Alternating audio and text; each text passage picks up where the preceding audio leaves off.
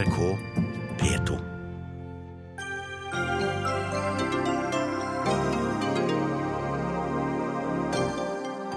Per Sandberg vil sende våpen til kurderne i Irak. Et lite gjennomtenkt forslag, sier leder i utenriks- og forsvarskomiteen. Hvis formuesskatten blir borte, kommer 850 av Norges rikeste til å bli nullskattytere, skriver Aftenposten i dag. Feil fokus, sier Høyre. Formuesskatten rammer mange tusen. Kosmetikk- og klesindustrien må ta mye av skylda for at vi taper kampen mot antibiotikaresistente bakterier, mener Fremtiden i våre hender. Og de får støtte av norske eksperter.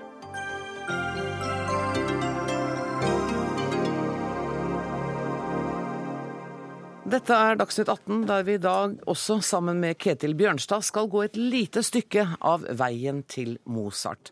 Men aller først.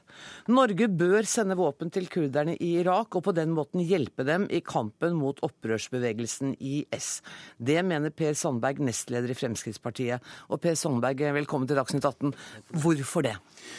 Det er fordi at vi, vi ser alvoret i situasjonen. Jeg karakteriserer dette her som det verste vi har sett på lang, lang tid.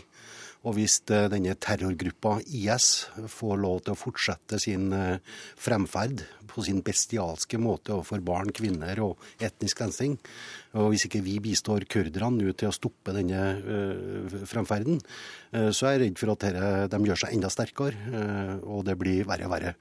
Og de tar og legger under seg enda flere regioner, kanskje går inn i flere land. Og plutselig så står de på grensa til Europa også. Men bør så, Norge gjøre dette på egen kjøl, uten å få en forespørsel fra noen? Nei da, men nå er det jo sånn at det er jo en rekke land nå, 15-16 land allerede, allerede, som bistår militært eh, til Kurdistan. Og Det er jo det som er utgangspunktet mitt også. Hvis Norge kan bistå med mer enn humanitær hjelp, noe som denne regjeringa på en god måte har gjort, med støtte fra hele Stortinget, så hvis Norge kan bistå utover det med militært materiell til, til kurderne, så mener jeg at vi skal stille oss positivt til det, som på lik linje med en rekke andre land. EU vurderer det også. Men denne regjeringa har jo sagt at det er helt uaktuelt. Jeg hadde forsvarsministeren i studio som sa at det er helt uaktuelt å yte våpenbistand. Ja, og derfor så sier jeg da som første nestleder i Fremskrittspartiet, jeg tror ikke vi skal avslå noen ting som helst. Det. For at hvis ikke vi greier å stoppe, hvis ikke kurderne med den bistanden de har i dag, greier å stoppe fremdriften til IS, så vil verdenssamfunnet være nødt, uansett hva Norge måtte mene, bistå i mye større grad. Nå er det sånn at IS altså de får, En ting er at de har tatt over moderne våpen fra den irakiske hæren, men de får også supplert moderne våpen. og Kurderne har våpen, men det er for dårlig til å yte god nok motstand. Og det er jo ikke soldater man ber om. Det er blant annet, for det er to millioner kurdere som står klar til å stoppe IS. Nei, det er våpen. Og det er trening. Mm. Militær trening også, som man trenger i forhold til å stoppe Og våpen og ammunisjon. Ja, da, og du er villig til å gi All militær bistand som kan stoppe fremdriften til IS, er jeg villig til å vurdere. Annike Huitfeldt, leder i Stortingets utenriks- og forsvarskomité. Du sier at du vil på det sterkeste advare mot dette forslaget. Hvorfor det? Ja, Det bryter med det som er helt grunnleggende både norsk utenrikspolitikk og norske regler for våpeneksport, og de reglene har det vært enstemmighet i Stortinget. Nå er jeg jo enig med Per Sandberg i at dette er en svært alvorlig situasjon, som vi ser i Irak, som vi har sett i nabolandet Syria over lang tid. Men så er spørsmålet skal det lede oss til å sende våpen inn i denne konflikten. Og da har vi jo delte erfaringer i verden med det. Det som var Talibans våpen i Afghanistan, har jo delvis vært våpen som er sendt inn av amerikanerne tidligere. Grunnen til at IS har mye våpen, er jo at dette er våpen som de har ervervet eller tatt fra den irakiske hæren. Det å sende mer våpen inn i denne konflikten, det er jeg ikke tilhenger av at Norge skal bidra med. Jeg er tilhenger av at man skal bruke militærmakt mot disse gruppene. Men, Men ikke Norge? Eller altså, du er tilhenger av altså, militærmakt? Vi bruker norske regler for våpeneksport. De vil ikke jeg endre. Nei, og jeg mener at. Hvis du ser på situasjonen i hele regionen med mange flyktninger Det er svært vanskelig å finne finansiering til alle flyktningene som skal bli kvinner og barn. Med folk som står uten helsehjelp, med folk, barn som står uten utdanning. Det er Norges rolle. Derfor spiller vi en sterk rolle. Det er ikke mangel på land som vil bidra med våpen. Det er mangel på land som vil bidra med humanitær hjelp. Og Sandberg, det er vel også et, et poeng du har i hvert fall tidligere sagt når det gjelder Norges stillingtagen i Afghanistan-konflikten, at det er en fare at Norge tar så tydelig stilling uten å se konsekvensene, fordi vi også blir et tydeligere terrormål. Gjelder ikke den argumentasjonen også i denne saken? Jeg får rette opp litt der. Ja, okay. det, det debatten jeg tok på det tidspunktet, det var det at Norge har involvert seg i alle konflikter, nesten. At vi er til stede i alle konflikter uansett. Afghanistan, Libya, you name it, så har Norge der har planta flagget sitt. Den situasjonen vi ser nå, den vil jeg mene er litt annerledes. Husk på det at 85% av disse bestialske soldatene som IS bruker, de er ikke engang fra Irak. Her handler det altså om en rekke rekke mennesker eh, som, som, er rekruttert fra en rekke andre land. Syria, palestinere eh, og fra Nord-Afrika. Ja, til og med europeere er jo med på IS' her. Dette handler om ren og skjær terror. Mm. Det handler ikke om et land. Eh, det handler om Irak, å beskytte Irak, og ikke minst Kurdistan. Men er Huitfeldt litt naiv, da? Nei, men altså, som, Jeg har jo hatt et møte i dag, et veldig positivt møte må jeg få lov til å si på Stortinget, med samtlige grupperinger av irakere som bor i Norge. Enten de er sjiamuslimer, sønnemuslimer, kurdere eller asyriske, eller hva det måtte være. De har vært på møte hos meg i dag på Stortinget. Åtte forskjellige grupperinger. Alle var samstemt på én ting. Humanitær bistand, ja. Men det, hva hjelper det med humanitær bistand hvis IS får overhånd? Hvis de greier å ta over også Nord-Irak?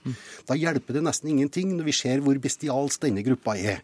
Og Jeg sier ikke at, på, altså at, at Norge nærmest er forplikta til å levere våpen, men vi kan ikke i dag si nei hvis det er sånn at IS fortsetter å vinne områder og vinne regioner. For da taper vi i hvert fall på sikt. men den regjeringa du er en del av, har jo sagt nei. Vi er jo blitt bedt om militær bistand, og vi har sagt nei. Regjeringa har sagt det, og det respekterer jeg. Og jeg syns at regjeringa har gjort det meget bra i forhold til å få med seg hele Stortinget på humanitær hjelp. Men jeg snakker som første nestleder i Fremskrittspartiet, og har også da Det kan ikke være sånn at en ikke har uh, muligheter for meninger fordi man, ikke, fordi man sitter i regjering. Sånn var det under de rød-grønne, sånn er det ikke under denne regjeringa. Og jeg mener at vi kan ikke i dag si at i all framtid så skal Norge holde seg utafor i forhold til den situasjonen som oppstår. For den kan bli meget alvorlig, mer alvorlig enn vi noensinne har tenkt oss. Dette er to diskusjoner. Det ene er spørsmålet om bruk av militær makt i Nord-Irak. Det er både Per Sandberg og jeg tilhenger av.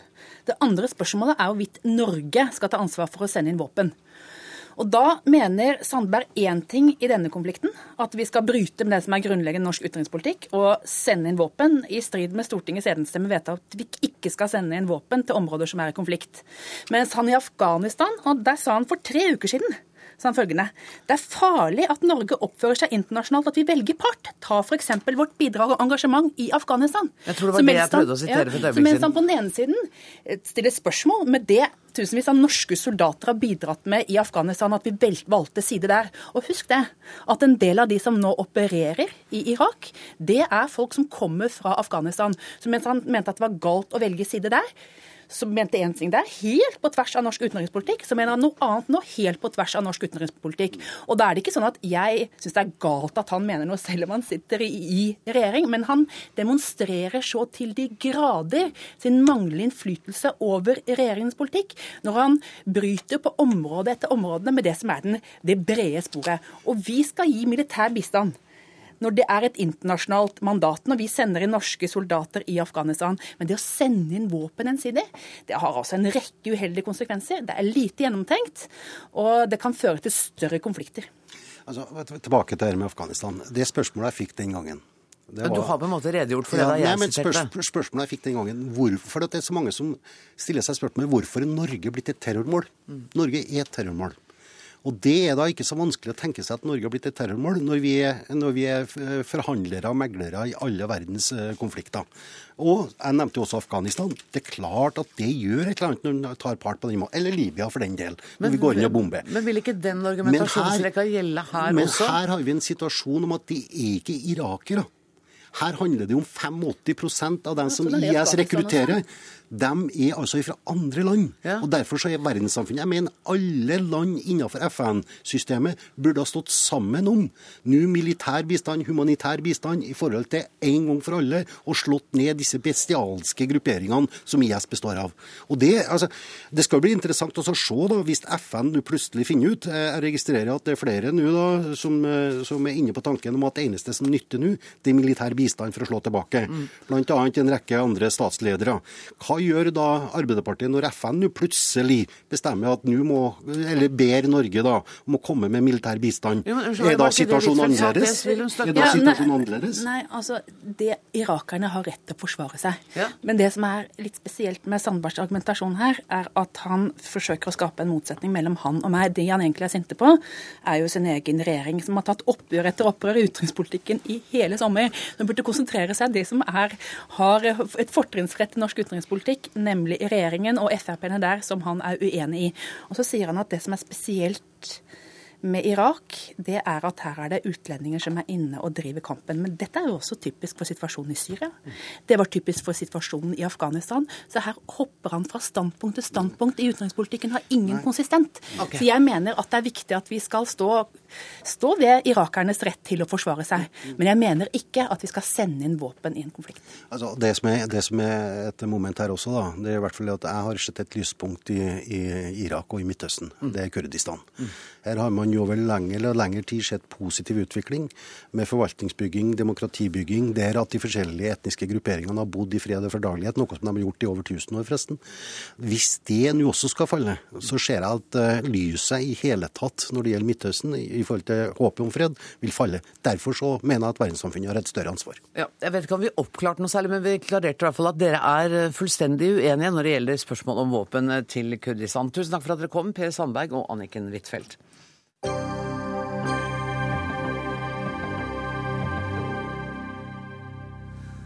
Hvis formuesskatten blir fjernet, så kommer de aller rikeste til å bli bortimot nullskattytere. Det står å lese i Aftenposten i dag.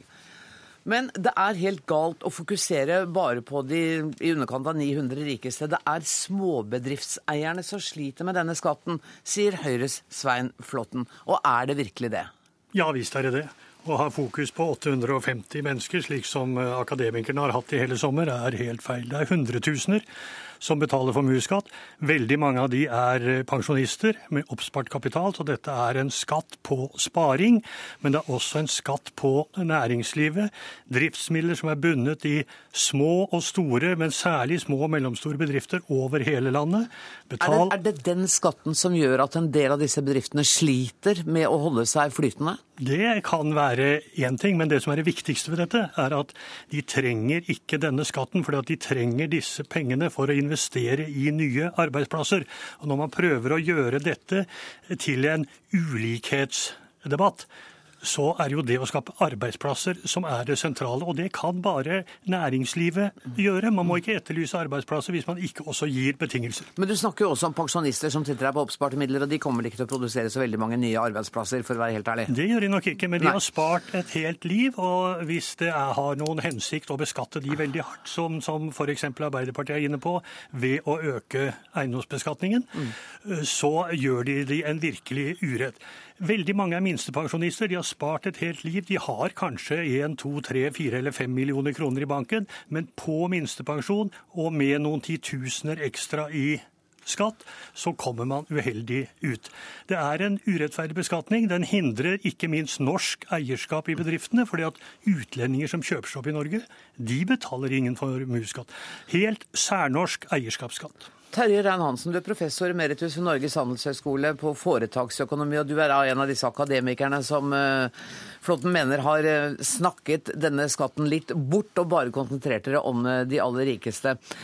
Hvorfor er det viktig å opprettholde denne skatten?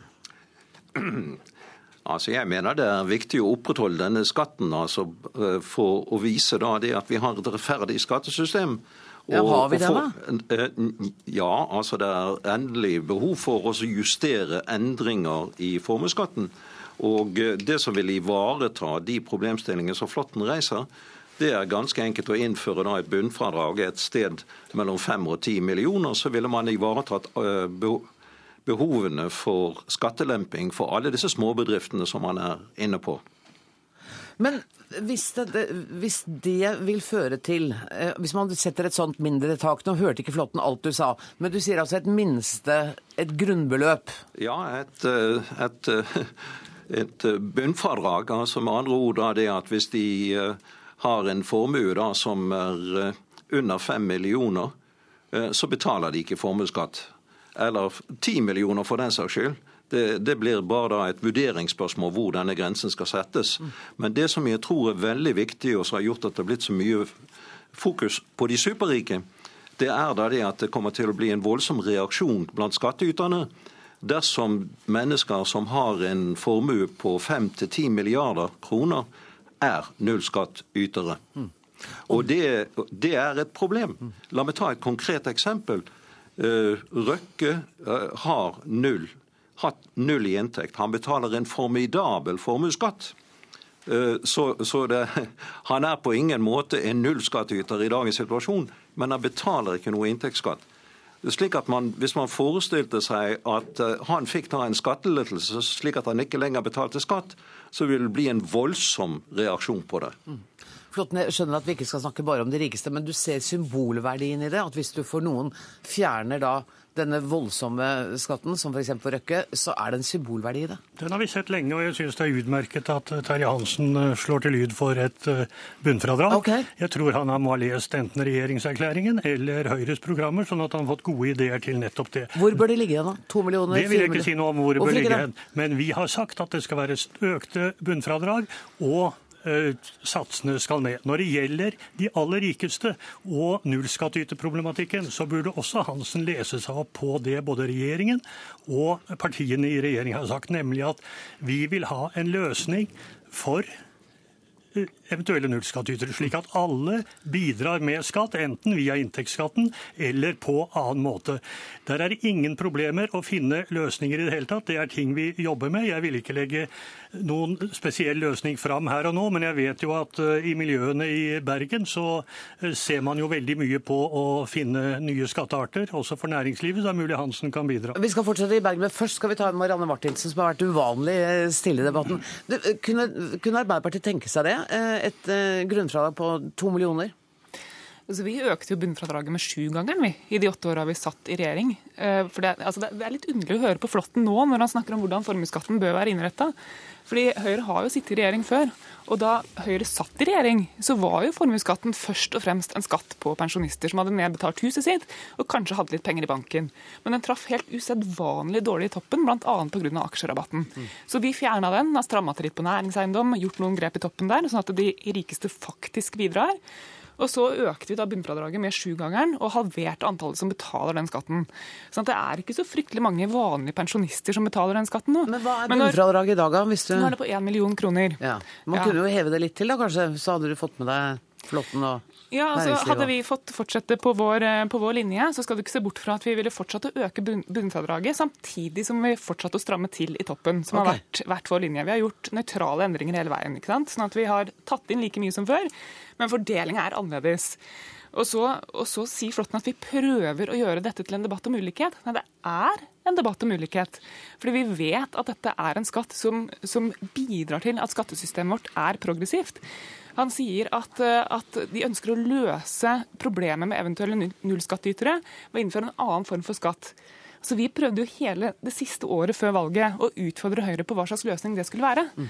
De satte ned et eget utvalg internt så vidt jeg husker, som skulle komme opp med en løsning på det. Man har ikke klart det. og Mye av grunnen til det er jo at de som er helt i toppen av skalaen, de lever ikke av vanlig arbeidsinntekt som deg og meg, de lever i stor grad av formue. Så da kommer du ikke utenom på en eller annen måte å beskatte formue. Vi skal, skal vi snakke med noen som har erfaring fra næringslivet. Paul Kristian Riiber, du er tidligere NHO-sjef og nå administrerende direktør i GC Riiber. Hva betyr fjerning av formuesskatten for deg? Ja, jeg er leder og er eier da i en mellomstor norsk bedrift. 800 arbeidsplasser ca. Og vi er 200 aksjonærer som står bak denne bedriften. Eh, for oss eh, så ville det bety at vi kunne øke investeringene våre årlig med i størrelsesorden 40 millioner kroner bare i denne ene bedriften. Og Det skyldes altså at vi årlig må ta ut midler fra bedriften for å dekke formuesskatten som aksjonærene må betale inn. Så dette er en skatt på bedriften og ikke på personene, og heller ikke på de rikeste av oss. Men ville det vært OK hvis det var en skatt som rammet de aller rikeste og de som sitter med mange penger på bok og er altså rentenister? Nei, Jeg mener at denne diskusjonen er jo helt uh, forfeilet. Uh, og Det er jo synes jeg, nesten en fallitterklæring at ikke uh, verken Norges handelshøyskole eller Finansdepartementet kan komme opp med modeller og mekanismer for å ivareta akkurat disse få par hundre menneskene som i tilfelle blir såkalt personlige nullskattytere. Det er jo da merkverdig at man Her hørte vi deg plutselig mye bedre, gitt. Ja, Men det er jo da merkverdig at man for å på en måte sørge for at noen få hundre mennesker ikke blir personlige nullskattytere, så lar man altså titusenvis av bedrifter og 270 000 nordmenn betale formuesskatt pga. sine næringsinvesteringer. Og Det syns jeg er pussig, og kan egentlig bare forekomme i et land tror jeg, som flommer over av honning og melk og olje. Og jeg tror vi hadde hatt avskaffet denne formuesskatten for lenge siden, slik som alle andre land i verden omtrent har gjort, inklusive svenskene, hvis vi ikke hadde flytt på denne enorme rikdommen. Og Da måtte vi ivaretatt alle bedrifter, både små og store norske bedrifter. Per Kristian Riiber, der fikk du siste ordet i denne debatten. Dessverre må jeg sette strek. Takk til deg og til Terje Hansen, Svein Flåtten og Marianne Martinsen. Dagsnytt 18 alle hverdager klokka 18. På NRK P2 og NRK2.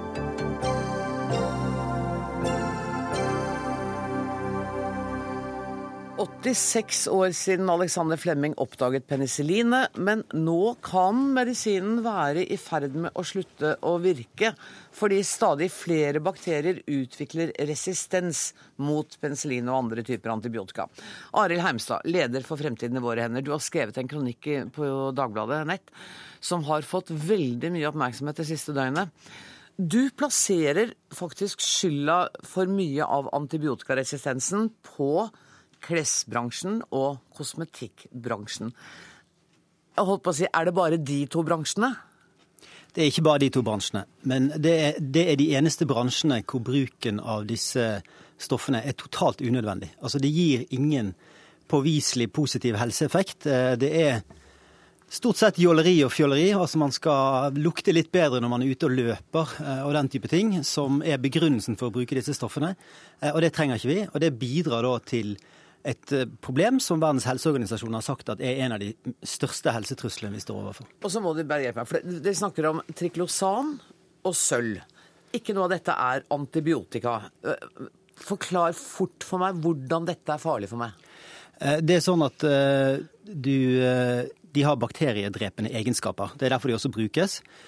Og når du dreper de svakeste bakteriene i en koloni, så blir de sterkeste de som formerer seg, og da utvikler de raskere resistens mot nye, nye antibiotika som kommer på markedet. Og Det skjer hele tiden. Et nytt antibiotika, da kommer det resistente bakterier relativt fort. Det skjer da fortere og fortere.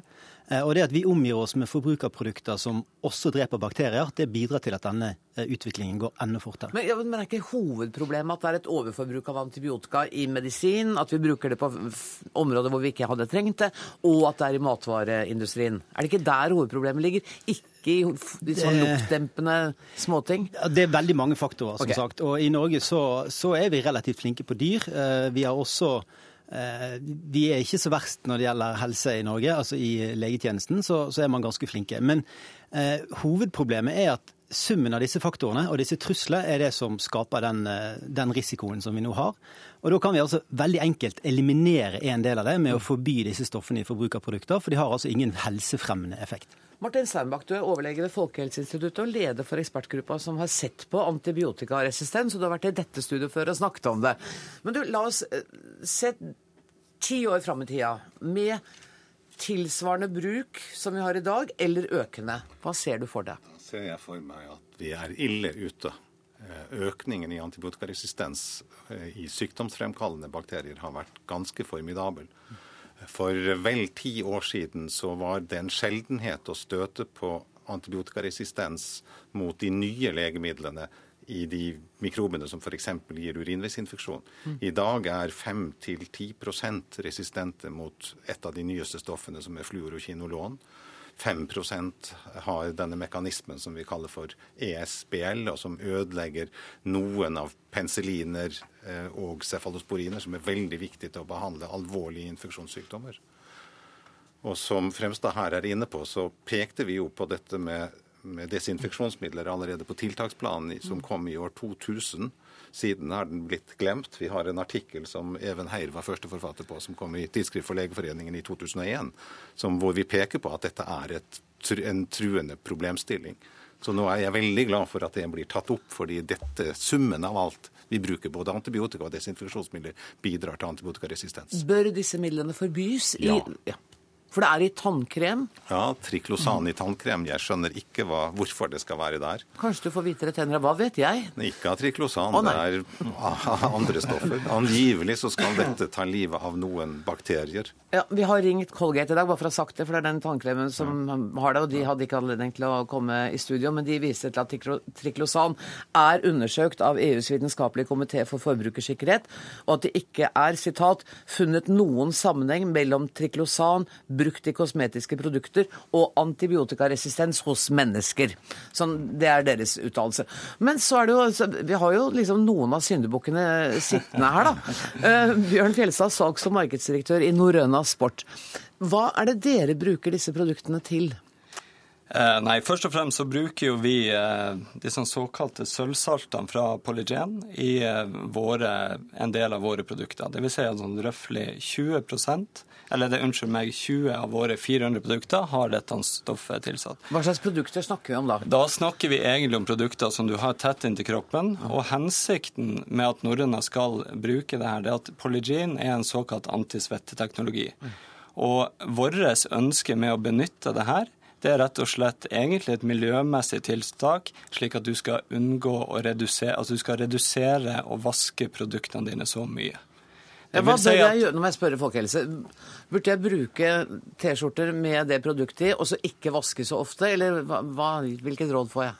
Jeg vil jo si at dette er et unødvendig produkt å ha i klesplagg. Og når du vasker det, så vasker du det jo etter hvert ut av klesplagget. Og da kommer du ut i naturen, hvor det da bidrar til å selektere antibiotikaresistens ut i naturen. Og kretsløpet er da sånn at noen av disse mikrobene kommer tilbake til dyr og havner hos oss mennesker.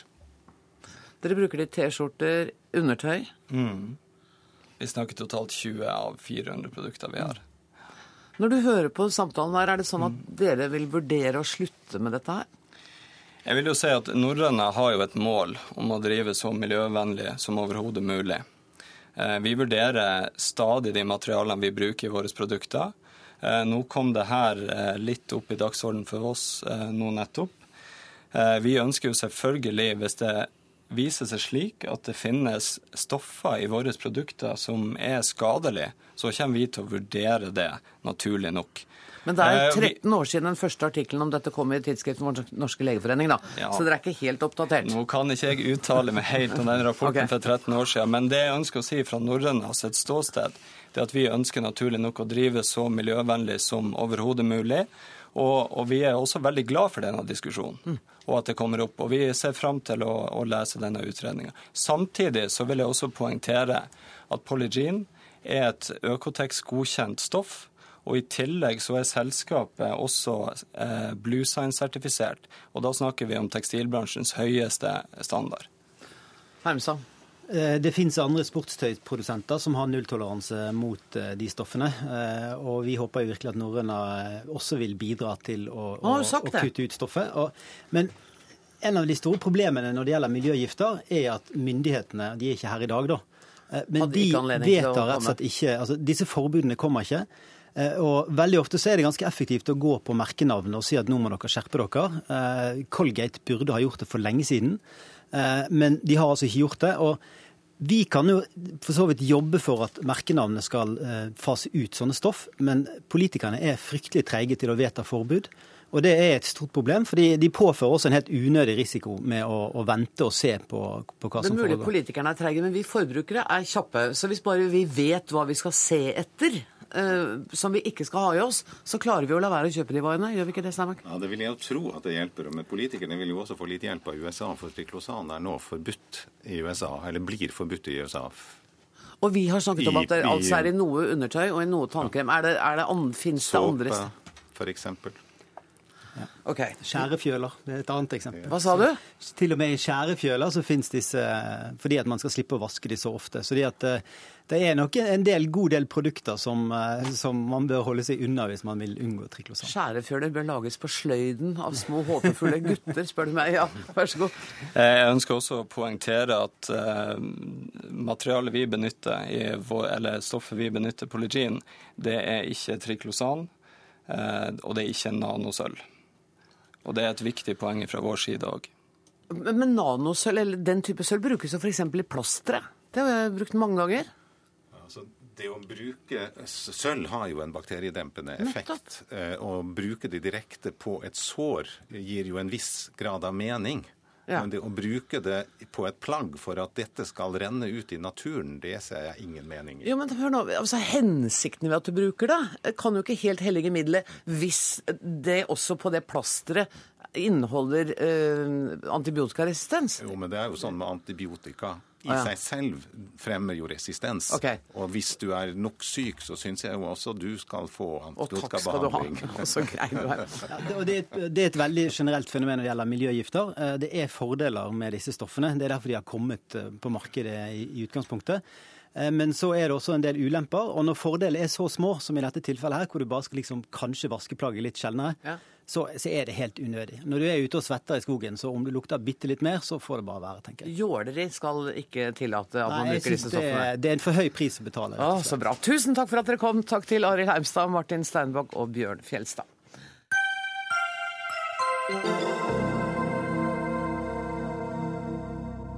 Skal det handle om statlig eierskap i Dagsnytt 18, og jeg ønsker hjertelig velkommen tilbake til Svein Flåtten. Um, En undersøkelse som Sentio har utført for avisen Nasjonen, viser nemlig at bare fire av ti av oss sier et ubetinget ja til å selge Flytoget til private eiere. Regjeringen varslet tidligere i år at Flytoget er ett av flere statlige selskaper den har planer om å selge seg ut av. Finanspolitisk talsmann, som du fortsatt er da for Høyre, Svein Flåtten. Hva sier du til resultatet av denne undersøkelsen? Fire av ti bare syns det er greit. Det syns jeg slett ikke var verst, med at 40% sier det uten å ha gått nærmere inn i hva dette egentlig ville være. fordi at det en skal være klar over, er punkt én, det er ikke noe som skal selges med en gang. Men punkt to, eh, også den forrige regjeringen gjennom åtte år hadde dette selskapet under de såkalte i den forretningsmessige eierkategorien. Det betyr altså kort og godt at dette er for finansiell avkastning. Det har ingenting med strategisk eierskap å gjøre. Og derfor så kan jo andre drive dette like godt. Det vil være en omplassering av eh, formuen eh, for, eh, for Norge. Men det som ville være enda viktigere, ville være at det ville være et signal fra regjeringen om å øke eiermangfoldet i Norge. Staten er en veldig stor eier. Det ville hindre maktkonsentrasjoner. og Staten som eier har jo egentlig ingen spesiell hva skal vi si, industriell kompetanse til å drive noe. Derfor så kan det godt hende at andre kan drive dette like bra. Kundene blir fornøyde. Drive det kanskje Kundene er fornøyde, viser jo den siste undersøkelsen. De er kjempefornøyde. De har ikke noe lyst til Sett at de da ville bli like fornøyde, og sett at prisen ville bli veldig god, fordi at noen så at de kunne gjøre det enda mer effektivt. Vi vi skal ikke ta alle argumenter. Jeg lover at du skal få ordet igjen, men nå skal vi høre med leder i Senterpartiet, Trygve Slagsvold Vedum. Hør her. Kundene blir mer fornøyde. Det er mer mangfold i næringslivet. Og prisene blir mye billigere for oss som skal bruke det toget. Dette må da være helt bare gode argumenter. det siste sa jeg faktisk ikke. Nei, du sa prisene kan bli veldig gode. Det betyr billigere, gjør det ikke det? Nei, men Poenget er jo at Flytoget er jo et, et svært veldrevet selskap. Um, der det er veldig høy tilfredshet for kundene. Og vi vet at vi får stort årlig utbytte hvert eneste år. Altså I fjor så fikk vi 170 millioner kroner i utbytte fra Flytoget, driften av Flytoget. Så det er jo på alle måter fornuftig å eie det. For det er en god finansiell investering som vi får stor utbytte av. Og bedriftsøkonomisk så går selskapet kjempebra. Og så er det fornuftig samfunnsmessig å eie grunnleggende infrastruktur. Vi vet jo at samfunnsutfordringene i indre Østland kommer til å bli store, og da er det klokt å ha kontroll både på Flytoget, NSB og kunne planlegge samfunnsmessig hvordan vi skal løse de samferdselsutfordringene framover. Så det er ingen gode argumenter for. For vi tjener gode penger på det, folk er fornøyd, og det er klokt av eierskapet framover. I tillegg er vel ikke noen bombe at uh, Trygve Slagsvold Vedum mener at uh, det meste skal være norsk? Ja, jeg mener jo det er kjempelurt. Ikke minst når det gjelder infrastruktur, så er det veldig lurt å ha norsk kontroll på det, og ha offentlig kontroll på det. Men kan det ikke tenkes at akkurat nå når det går så det griner, hadde det vært lurt å selge der et veldig verdifullt selskap? Nå kunne vi få gode penger for det. Jo, men poenget er at det her er jo, altså, Hva er det vi har mye av i Norge? Vi har veldig mye penger. Og hvis vi selger Flytoget, hva gjør vi da? Jo, da får vi en sum, og så vil vi plassere det i utenlandske aksjer og renteobligasjoner. Altså Vi har en trygg nasjonal investering som gir stort utbytte. Og, eh, og, så skal vi plassere det i aksjer og eh, obligasjoner som gir lavere utbytte. Det er ingen privatperson som hadde solgt et godt papir og kjøpt, og kjøpt det dårlig. Og det er jo det regjeringa vil. Vi skal selge noen av de beste papirene vi har, altså Flytoget. Og så skal vi plassere det f.eks. i japanske aksjer, japanske obligasjoner, som vi, vet når vi ser erfaringene fra oljefondet, at vi får mye lavere utbytte, utbytte, fra. Og I tillegg så er det lurt å eie selskapet. Flotten. Med denne argumentasjonen her så er det hensiktsmessig å spørre Trygve Slagsvold Vedum om hvorfor ikke hans regjering gjennom åtte år flyttet dette eierskapet over i et langsiktig strategisk eierskap når det gjelder det å eie dette. Og Dessuten er det slik at eh, når Slagsvold Vedum sier at dette er en trygg investering, gå tilbake og se på resultatene i Flytoget. De har også vært varierende. De vil være varierende. Og jeg må si jeg reagerer på hans eh, utsagn om at en annen eier enn staten, det kunne jo være en annen norsk eier også, greier ikke å samordne infrastrukturen og tjenestene i Norge om det f.eks. skulle være utlendinger. Det er en holdning til annet eierskap som jeg syns er helt uh, merkelig. Men samtidig så er også så er han jo også opptatt av at det kommer et stort utbytte til statsbudsjettet hvert eneste år. Eh, med de prisene man antagelig ville få for dette, så tror jeg det ville komme ut på ett hvorvidt man hadde pengene i oljefondet eller om man hadde det i, i Flytoget, slik det er nå. Men hva Men jeg... ville da poenget være med å selge? Det ville være nettopp dette å vise at vi trenger mer eiermangfold, mer mangfold på eiersiden. Staten eier altfor mye i dette landet. For Korsberg i Frp sier at en av hovedgrunnene til at man bør eh, selge, er at man kan bli beskyldt for konkurransevridning ved å opprettholde det som et statlig selskap? Det kan hende, og særlig hvis man eh, Av hvem da? Det kan være eh, europeiske konkurransemyndigheter. Særlig hvis man kanskje inviterer flere inn til å drive jernbaner, til å drive infrastruktur, til å konkurrere i Norge, så kan du få den problematikken. Men jeg tror først og fremst, hvis jeg, det statsråden, handelsministeren, nærings- og handelsministeren har sagt, er at dette er ikke noe som haster. Hun går til Stortinget med det. Mm. Og så skjønner jeg at uh, røde, de rød-grønne har skiftet mening siden sist uh, de bestemte. Og så får vi se hvordan det går med denne saken. Ja, Dere har vel det, Slagsvold Vedum? For det ligger ikke Vi solgte aldri Flytoget. og Det er derfor vi diskuterer det nå. Og det, er, og det, hører jo på flott at det er et ideologisk prosjekt. Han sier at han har ikke noe andre argumenter at man skal få inn flere eiere, at det er ille at staten er en eier. Men hvorfor har det vært ille at staten er en eier av Flytoget, når det er et av Norges mest populære selskap? Altså, det er jo en kjempesuksess. Og så er det sant at det i, i starten gikk Flytoget med store underskudd, og derfor så, så, skre, så sletta vi gjelda i Stortinget til Flytoget for å få den drifta til å gå bra. Og nå går drifta kjempebra. Altså I fjor Eh, så hadde vi ca. 17% avkastning på egenkapitalen, og i oljefondet så har vi kanskje rundt 3 Så det er jo en mye større avkastning av egenkapitalen i Flytoget enn det vi har i oljefondet. Og I tillegg så er det da lurt å eie det, for hvis det blir flere kokker, så blir det mer søl. Og når vi har kontroll på grunnleggende infrastruktur, så kan vi som offentlige myndigheter bestemme og være tydelige i våre føringer. At det skal være mer bedriftsøkonomi f.eks. som skal ligge til grunn for eh, Flytoget sin drift. Jeg vet ikke Slagsvold, hvem som er mest ideologisk i forhold til dette. og Vi som ønsker å åpne opp eierskapet, og dere som sier at stort sett alt skal være enten norsk eller slik det alltid har vært. Det er også en ideologi, en ideologi som jeg ikke syns har framtida for seg. Ja, men Det er jo lurere å eie bedrift som gir 17 avkastning enn å eie aksjer som gir 2-3 men, det, bør jo, det bør jo også Svein Flåtten, som kan regne, være enig i. Men garanter garanterer Slagsvold Vedum da at det blir slik avkastning i alle år framover? For at eh, de 3-4 prosentene i oljefondet de ligger jo fast. Det kan du bringe inn i statsbudsjettet. Du sier nå at Flytoget kommer til å tjene så og så mye penger fremover. Vet du det? Nei, Det vet jeg ikke, men vi hadde det utbyttet i fjor. og det vi ser er at Befolkningsveksten på Indre Østland er veldig stor. Så etter all sannsynlighet så vil Flytoget også tjene penger framover, ha større utbytter enn 3-4 mm. Og I tillegg så er det klokt å eie det. Det er mye viktigere for Norge, for det norske folk, å eie det selskapet enn å f.eks. eie en ny handlegate ja, i London. Det har, det har, du sagt. Vet dere hva, eh, kjære venner, det, det, som vi vet, er at det kommer ikke til å bli noe salg av Flytoget denne uka. Fordi at eh, regjeringen sier at det er ikke noen hast med dette. Det skal tas til Stortinget og behandles skikkelig. Og det skulle ikke forundre meg om vi får sjansen til å diskutere det en gang til i Dagsnytt 18 også. kommer til å gå uansett. Takk skal dere ha. Takk til Svein Flaten, og takk til Trygve Slagsvold Vedum. Hør Dagsnytt 18 når du vil. Radio NRK.no. Så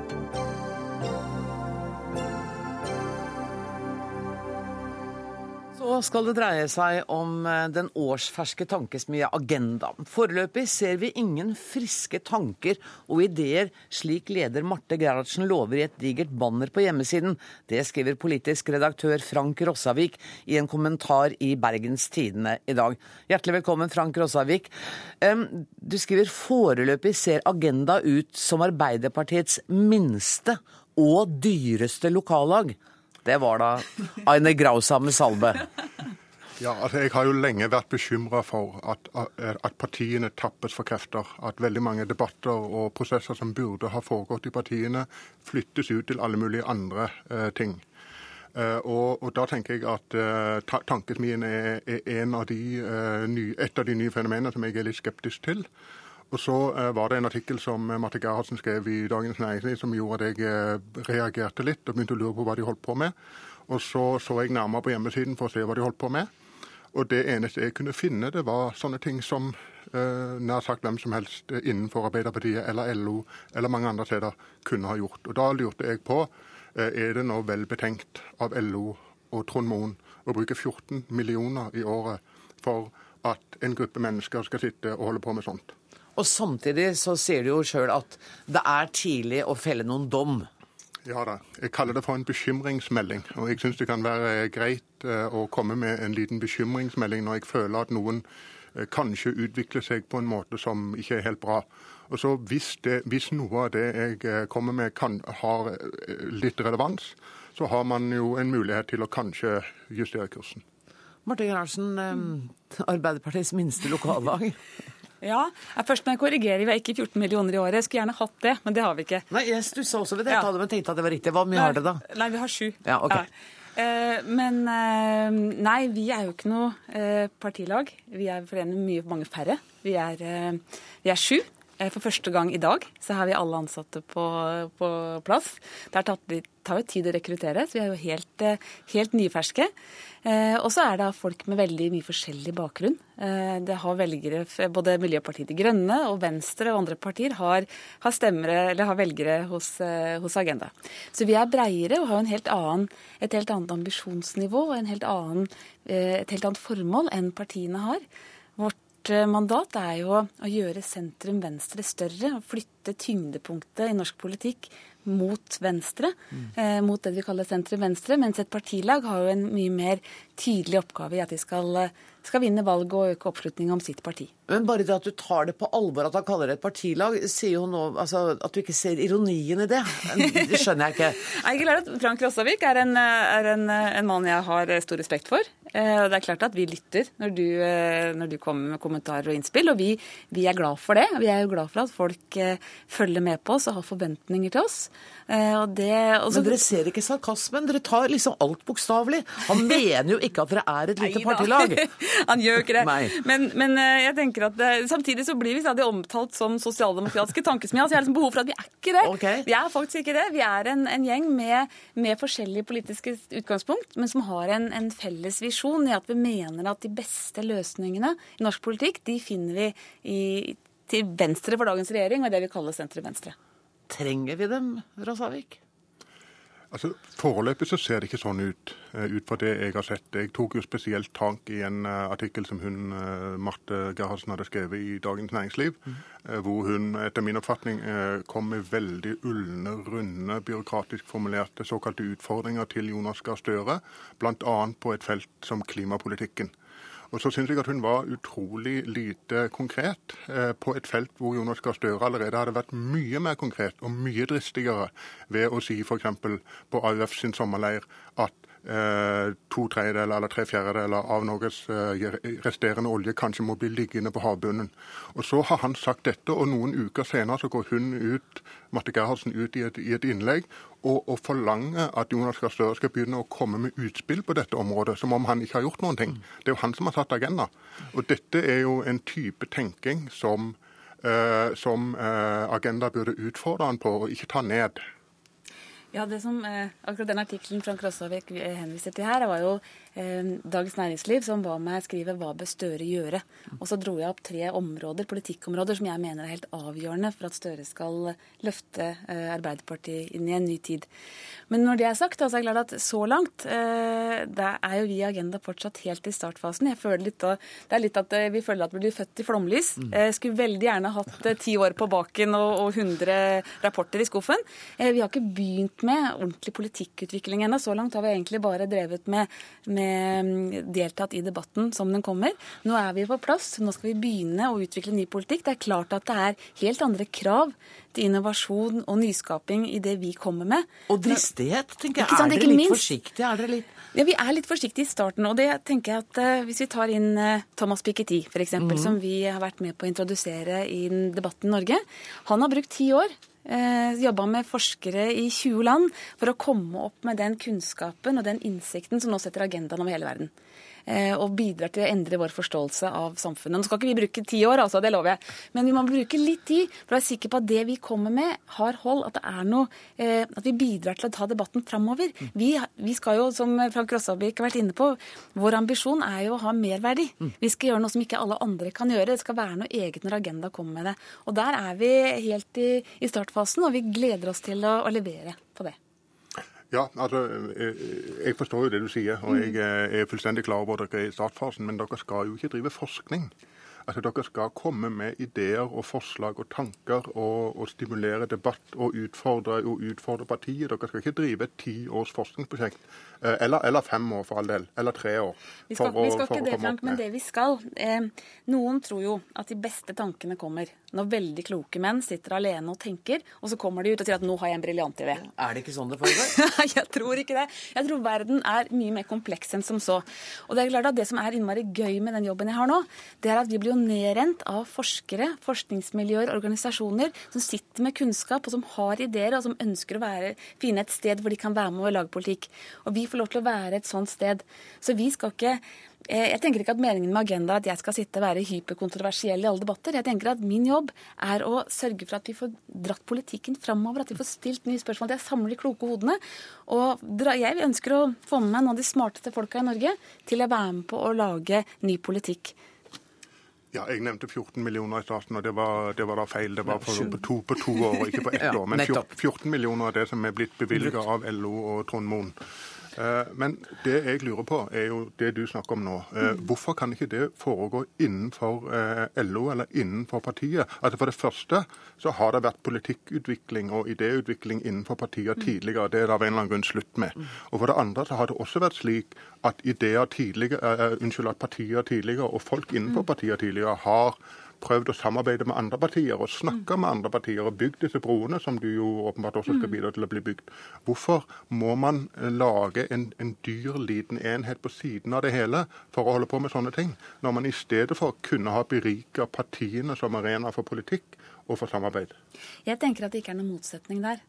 Eh, partiene jobber jo og gjør en, en fin jobb, men klart partiene er for det ene de er bundet av partiprogram. Mm. Eh, de skal vinne valg. De har et helt annet et ja, det er på en måte de nødt til å bruke dagen sin eh, og mye av tida si på. Vi har ikke noe partiprogram. Og det er en, en, eh, måte i denne jobben en befrielse også. Vi kan faktisk gå inn i, inn i hvert uh, fagområde og se hva er, hva er de beste løsningene fremover. Og Vi trenger ikke tenke på neste valg på samme måten. Så vi har en, et supplement. Vi skal ikke erstatte partiene. Partiene skal utvikle seg videre, men vi har, gjør noe annet. Og vi skal la dem få lov å være i fred et lite øyeblikk, ikke sant, Frank Rosavik? Vi skal hva da? Gi dem en sjanse? Vi skal, vi skal, vi skal, se, vi skal se, på dem med positive øyne og forventninger. det er veldig bra. Tusen takk for at dere kom til Dagsnytt 18, Frank Rossavik og Marte Gerhardsen.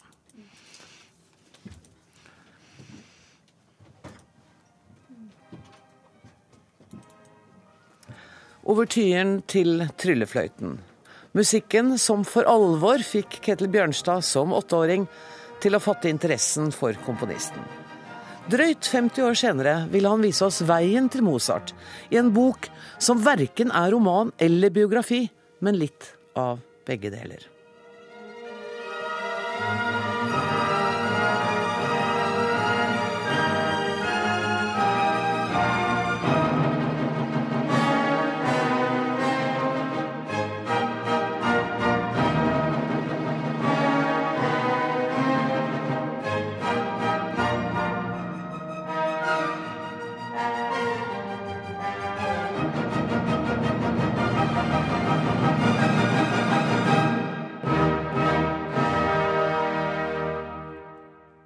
Det er ikke så ofte vi spiller eh, musikk i Dagsnytt 18, men jeg fant det helt nødvendig å gjøre det i dag.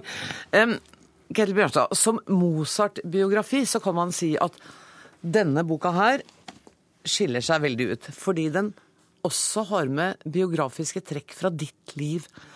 Hvorfor valgte du å dele din vei til Mozart med oss på denne måten? Fordi jeg ble spurt, og det gjør jeg alltid når jeg skriver biografier eller dokumentariske bøker, om, om, å skrive om en eller annen person. Og det er, gjør jeg med den største motvilje i starten, for jeg syns det er den vanskeligste av alle sjangere. Og jeg syns biografisjangeren har den store faren at, at, biografen selv blir større enn den portretterte. Og det skjer gang på gang, på en måte at, at den man jo med sikkert stor hengivenhet og kunnskap skriver om, blir en marionett for et menneskes synspunkter.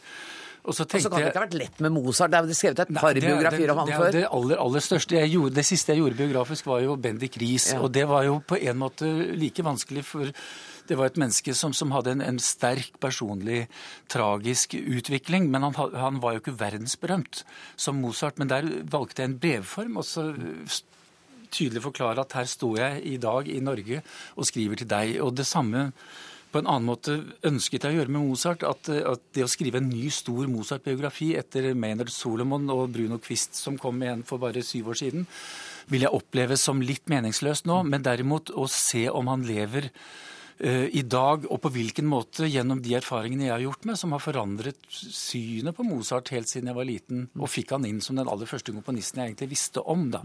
Men du skrubba godt som unge ja, du hadde ikke noe lyst? Nei, jeg hadde jo ikke det. Og det er rart med det man blir, det man blir pålagt å høre på. er jo, Barnets trass er jo helt uh, uforlignelig da. da. da. våkner jo barnet ofte og sier nei. Og jeg hadde min kjære mor som jobbet uh, som sufflør på Den Norske Opera. Og det var akkurat i den perioden de satte opp Tryllefløyten. Jeg kom ned der og fikk høre tryllefløyten, og jeg må jo si at da Nattens dronnings store, forferdelige koloraturarje kom, så fikk jeg jo Hvis jeg hadde hår allerede, så reiste de seg på hodet mitt, i hvert fall. Så det, det husker jeg. Og så husker jeg hvordan jeg etter hvert som jeg ble musiker, tenkte at, at Mozart er snill.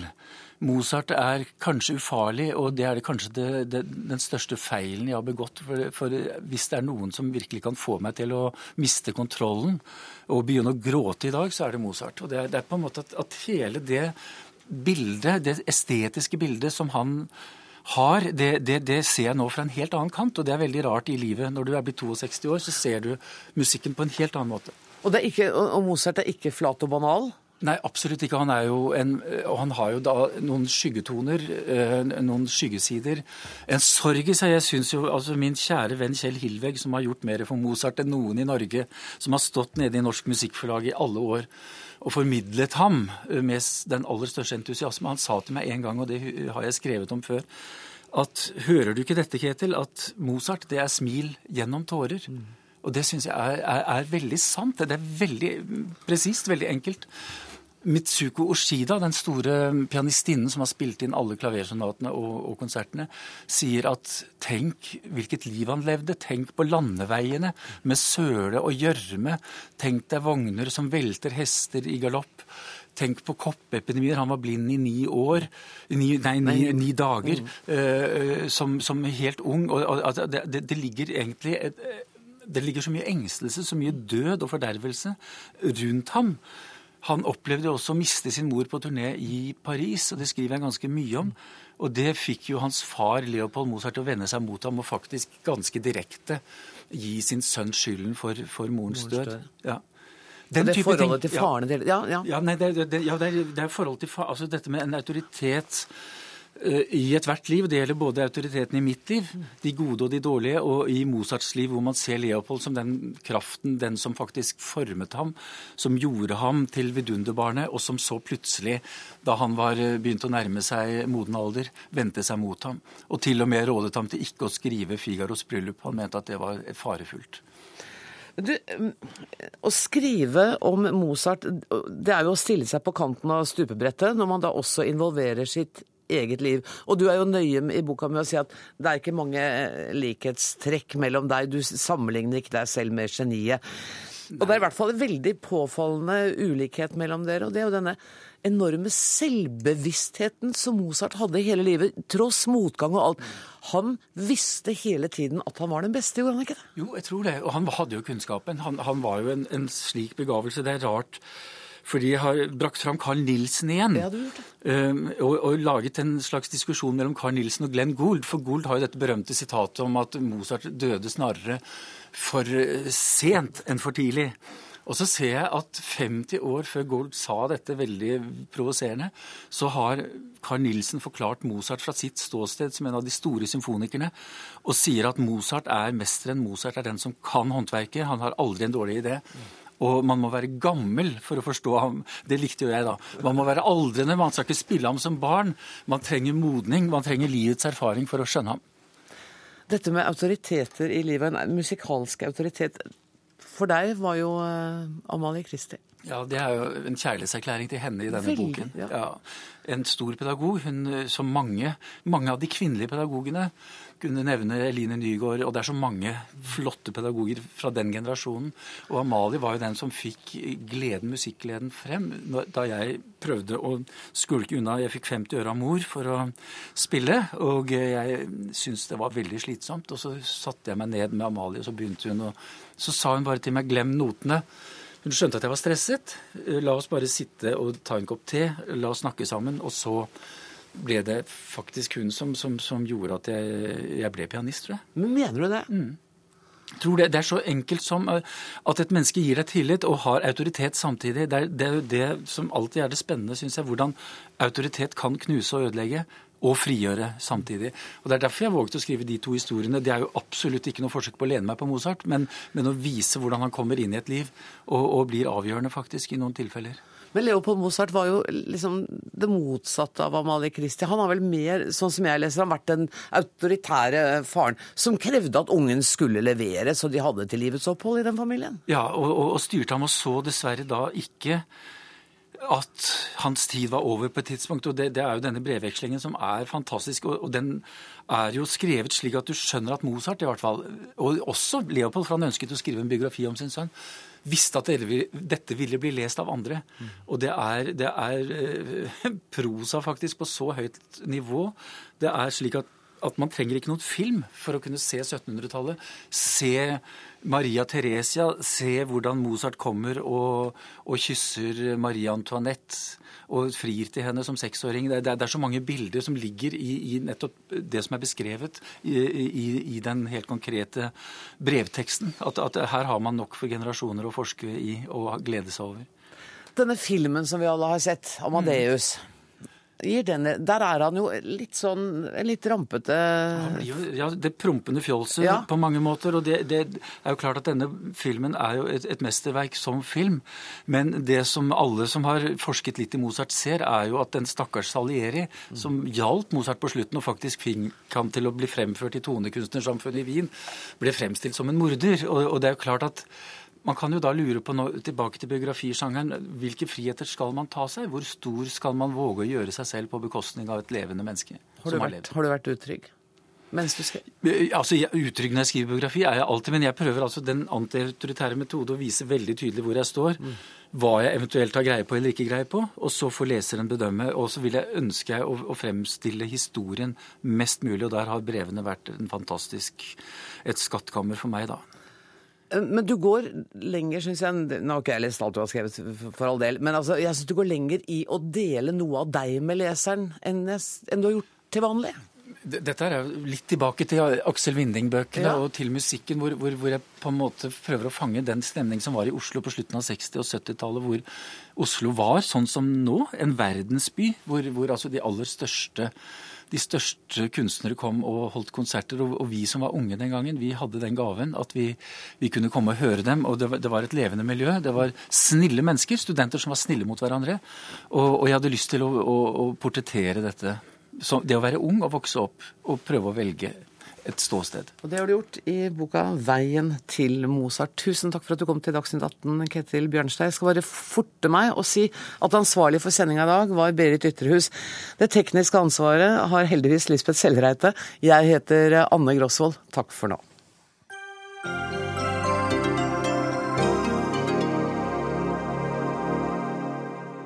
Hør flere podkaster på nrk.no podkast.